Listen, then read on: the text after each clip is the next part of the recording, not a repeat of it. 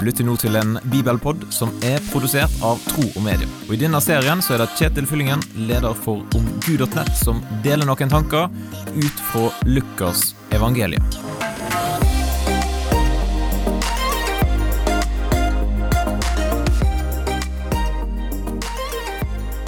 Når en ser en person ifra utsida, så kan en tenke at ja, her er det en kar som har alt på stell. Kanskje det er lett å tenke sånn om personer som har en eller annen slags form for formell posisjon, en pastor eller noen som du ser opp til. Men det er jo ikke sikkert at uh, denne personen, som kjenner seg sjøl på innsida og veit hvordan ting egentlig står til, vil være helt enig med det. Og i dagens bibelpodtekst så møter vi en sånn person. I evangeliet til Lukas kapittel 7 og vers 1 til 10. Da Jesus hadde holdt denne talen til folket, gikk han inn i Kapernaum. En offiser der hadde en tjener som var så syk at det sto om livet. Han satte stor pris på denne tjeneren. Da han fikk høre om Jesus, sendte han noen av jødenes eldste til ham for å be han komme og redde tjenerens liv. De kom til Jesus og ba ham inntrengende.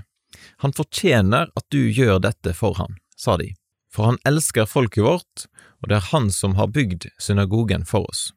Jesus gikk da med dem. Men da han ikke var langt fra huset, sendte offiseren noen venner til ham med bud. Herre, gjør deg ikke mer bry, jeg er ikke verdig til at du kommer inn under mitt tak. Derfor våget jeg heller ikke selv å komme til deg, men si bare ett ord, så vil tjenestegutten min bli helbredet. For jeg står selv under kommando, og jeg har soldater under meg. Sier jeg til en gå, så går han, og til en annen kom, så kommer han, og til min tjener gjør dette, så gjør han det. Jesus undret seg da han hørte dette. Han vendte seg til mengden som fulgte ham, og sa, Det sier jeg dere, ikke engang i Israel har jeg funnet en slik tro. Og da utsendingen kom tilbake til huset, fant de tjeneren frisk. De som observerte denne mannen her ifra utsida, sa at han er en bra mann, han fortjener at Jesus hjelper ham mens offiseren sjøl, som kjenner seg på innsida, han sier da at jeg er ikke verdig. Jeg vet ikke hvordan det er med deg, men jeg er veldig takknemlig for at vi ikke trenger å gjøre oss fortjent til noe for at Jesus skal hjelpe oss. Det er nok å ha tillit til at Jesus faktisk kan hjelpe oss. Og da fikk denne offiseren erfare, og da vil alle som har erfart kjernen i kristen tru, si seg enige, sånn som Paulus skriver i brevet til Efeserne kapittel 2, vers 8–9. For av nåde er dere frelst ved tro, det er ikke deres eget verk, men Guds gave.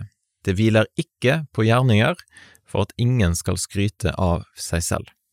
Så hvis du kjenner deg ikke verdig til å få hjelp av Jesus, så er den gode nyheten i dag at da trenger du heller ikke å være. Jesus er der, og han ønsker å hjelpe deg som har tillit til at han kan hjelpe. Hva tenker du om teksten her i Lukas kapittel 7?